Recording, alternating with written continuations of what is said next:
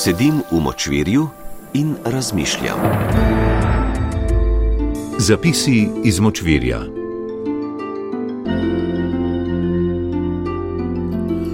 V skladu s svetim poslanstvom naše oddaje po vsem svetu prežimo za novimi in uznemirljivimi družboslovnimi fenomeni.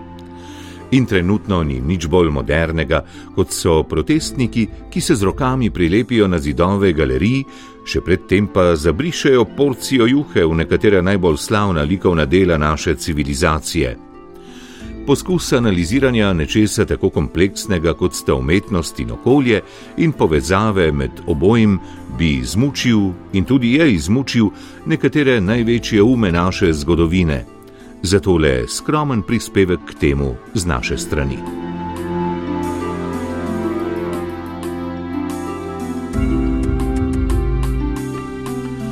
Najprej in na začetku razbimo oba osnovna gradnika.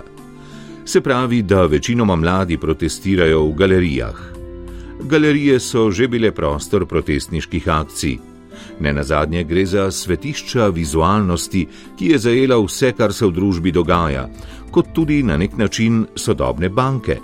Se je od ulaganja v likovno umetnost trenutno bolj profitabilno le vlaganje v ljubljanske nepremičnine. Torej, mladi protestniki natančno vedo, kje bodo pritegnili pozornost svetovne javnosti. Potem pa je tu še metoda protesta. Zanimivo, da so izbrali lepljenje dlani na slike oziroma na stene galerij, v enem primeru pa na tla avtomobilskega muzeja.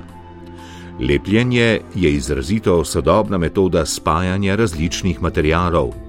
Menda so celo sodobna letala že v veliki meri zlepljena.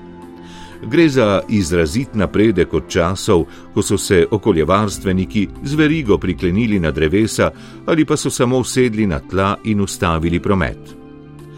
Če smo pikolovski, za protestniško verodostojnost bi morali uporabljati materijale iz časa nastanka umetnin, ki jih polivajo z juho, se pravi, da bi se morali na steno pribiti, kar bi imelo sicer še močnejši simbolni naboj, a je packarija občutno večja. Mimo grede, razumemo sicer simboliko lepljenja dlani ob podlago, a mnogo bolj praktično bi bilo lepljenje podplatov. Lepši prizor in zato primernejši za galerijo so človeške postave nezmožne premikanja med vsemi tistimi umetninami, kot pa so to zverižana telesa z odrgnjenimi koleni in zadnicami, molečimi visoko v zrak pa še v juhi. Programsko bi bilo smiselno metati paradižnikovo juho edino in zgolj na umetnino pločevinka juhe, ki jo je leta 1961 ustvaril znameniti Andy Warhol. Metanje juhe v Van Gogha pa priča o precejšnjem nepoznavanju likovne umetnosti. Kar pa je tudi osrednje sporočilo našega današnjega izvajanja.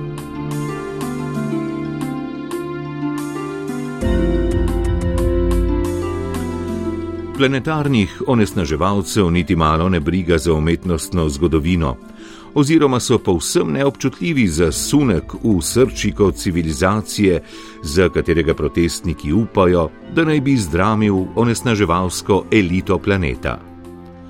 Protestniki menijo, da bodo s kronitvijo kulture omejili kapital, kar je naivno, da Bog pomagaj. Kapital lahko omeji samo skronitev kapitala, pa še to težko.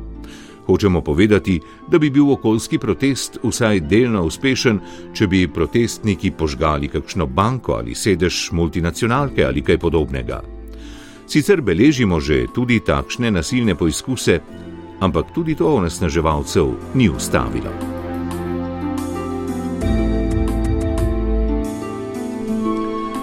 Ob tem pa imamo še nekaj načelnih pripomb. Protestniki se na galerije lepijo v času, ko Evropska unija sprejema zelo ambiciozen načrt nadzora toplogrednih izpustov. Ta nas bo že čez dobro desetletje oropal naših priljubljenih avtomobilov z agregati na notranje izgorevanje. Če razumemo protestnike, ki menijo, da je vse to premalo, bo potem takem naša žrtev, ko bomo prisiljeni na drage, neučinkovite in z dosegom omejene električne avtomobile za manj? In za konec še izrazito načelna pripomba.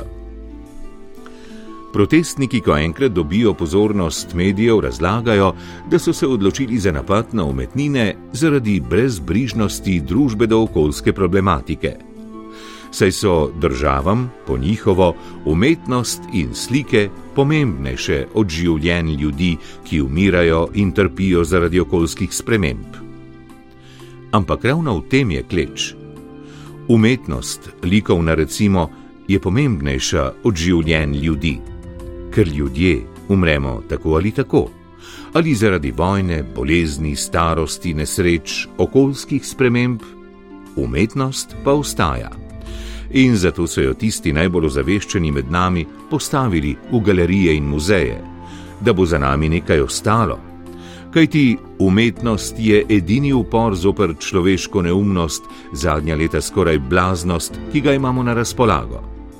Sicer bodo protestniki, vsi po vrsti mladi s hormoni napolnjeni zagreteži, to težko razumeli, a umetnina Franciska de Goje, ki je pribita na steno galerije, je milijonkrat intenzivnejši okoljski protest, kot je to mladež, ki se prilepi na zid ob njej.